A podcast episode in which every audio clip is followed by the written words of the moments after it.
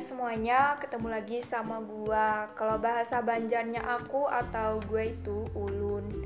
Dan kata ulun ini kesannya kayak lebih halus dan sopan gitu loh. Dan biasanya digunakan ketika bicara sama orang yang lebih tua untuk nunjukin respect atau rasa hormat gitu.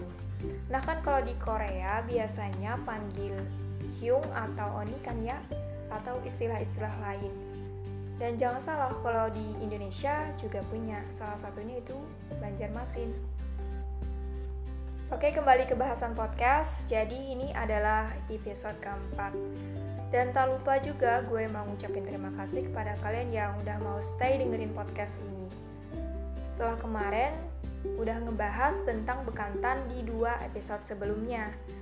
Nah, hari ini kita akan ngebahas lagi tentang sasirangan, yaitu batik khas Kalimantan Selatan.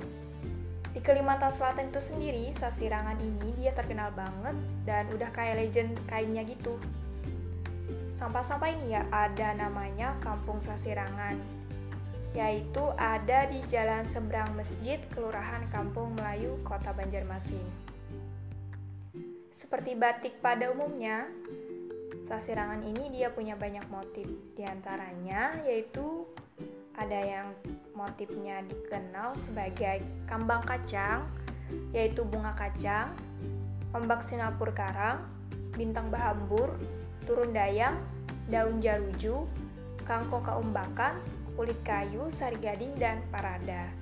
Jadi masih banyak lagi ya motif-motif dari si kain sasirangan itu sendiri. Adapun ciri khas kain sasirangan itu terlihat dari motifnya yang pada umumnya komposisinya itu secara vertikal dan jarang sekali susunannya motifnya yaitu horizontal.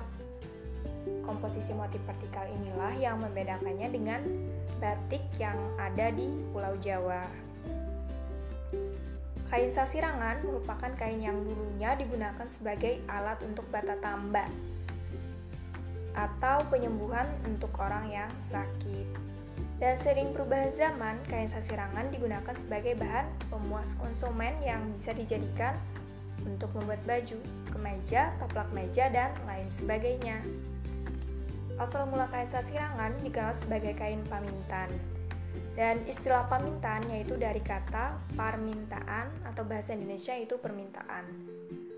Atau selembar kain putih yang diberi warna tertentu dengan motif tertentu atas permintaan seseorang yang berobat kepada seorang pengrajin kain pamintan. Adapun kain pamintan itu dia fungsinya sebagai sarana pengobatan atas petunjuk tabib. Sasirangan sebagai pengobatan alternatif yang disebut bata tamba dipakaikan secara berkala. Dan pada saat ini kayaknya udah jarang deh orang yang menggunakan kain ini untuk bata tambah. Di antara motif-motif untuk kain batik sasirangan yaitu seperti gigi haruan, kambang kacang, iris gagatas, kangkung keumbakan, kulat kurikit, umbak senapur karang, dan banyak lain sebagainya. Tiap motifnya itu pasti mengandung makna simbolik. Contohnya yaitu ombak sinampur karang.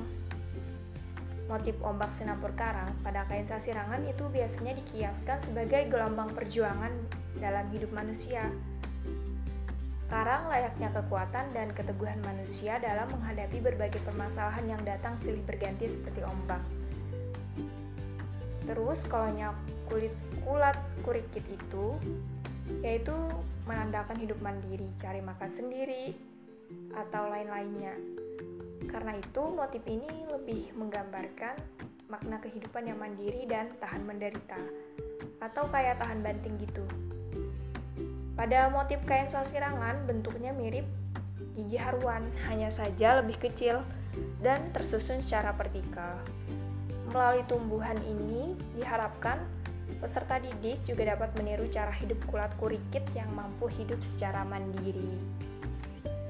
Setelah di atas gue udah ngejelasin tentang asal-usul, sejarah dan lain sebagainya dari si kain sasirangan. Jadi di sini gue mau menjelaskan hubungan kain sasirangan itu dengan kimia yaitu dari segi pembuatan batik atau kain sasirangan itu sendiri. Di sini ada soda api Dalam pembuatan kain, sasirangan di sini berfungsi sebagai pelengkap yaitu penguat warna sekaligus menjadi pemecah warna yang nantinya dicampur dengan garam menjadi satu. Soda api mempunyai kandungan kimia yang kuat, oleh karena itu soda api bersifat panas dan harus hati-hati dalam menggunakannya. Makanya kalau misalkan studi tour atau lain sebagainya, biasanya ada ahli profesional atau pembatik yang dampingin. Bicara tentang soda api, dalam kimia itu sendiri, soda api dikenal sebagai NaOH atau natrium hidroksida. Nah, kita kalau bicara NaOH pasti ingatnya pasti basa kan ya? NaOH itu sendiri tergolong ke dalam basa kuat. Jadi tiap kali kita ngebahas tentang NaOH pasti kita ingatnya konsep tentang asam basa.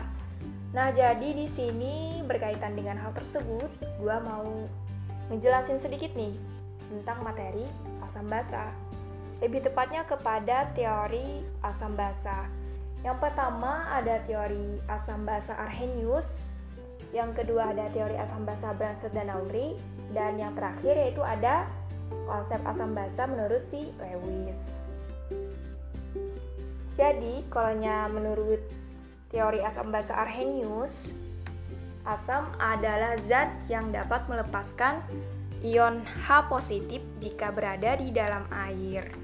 Dan untuk basa, kalau menurut si Arrhenius ini, adalah zat yang dapat melepaskan ion OH negatif di dalam air. Sedangkan kalau menurut Brastot dan Ulri, asam adalah senyawa yang dapat memberikan proton kepada senyawa lain, disebut juga sebagai donor proton. Ingat, asam dalam bersut lauri itu adalah donor proton, sedangkan basanya adalah akseptor proton. Nah, untuk pembahasan atau teori yang terakhir, yaitu ada asam basa Lewis. Kalau si Lewis mengartikan asam itu adalah penerima pasangan elektron. Sedangkan basa yaitu adalah pemberi atau donor pasangan elektron. Adapun keunggulan asam basa Lewis dibandingkan dari teori-teori sebelumnya, yaitu yang pertama, sama dengan teori Bronsted-Lowry, dapat menjelaskan, dapat menjelaskan sifat asam basa dalam pelarut lain ataupun tidak mempunyai pelarut. Terus yang kedua, teori asam basa Lewis dapat menjelaskan sifat asam basa molekul atau ion yang mempunyai pasangan elektron bebas atau yang dapat menerima pasangan elektron bebas. Contohnya yaitu pada pembentukan senyawa kompleks. Dan yang terakhir itu dapat menerangkan sifat basa dari zat-zat organik seperti DNA dan RNA yang mengandung atom nitrogen yang memiliki pasangan elektron bebas. Nah, kalau gue nangkap dari teori-teori asam basa ini, kalau dikaitkan dengan kehidupan, ada kelemahan, ada kelebihannya tersendiri tuh. Sama juga dengan manusia, dia punya kelemahan, dia punya kelebihan masing-masing. Jadi kayak nggak boleh ngejudge karena kita emang diciptainnya gitu. Mungkin itu dulu yang dapat gue sampaikan. Salah kurangnya gue mau ucapin mohon maaf Sebelumnya gue mengucapin lagi terima kasih kepada kalian yang udah mau stay dengerin podcast ini. Akhir kata gue ucapkan selamat beraktivitas dan jangan lupa jaga kesehatan. Semoga selalu dalam lindungan yang maha kuasa. Gue tutup podcast ini. Bye bye.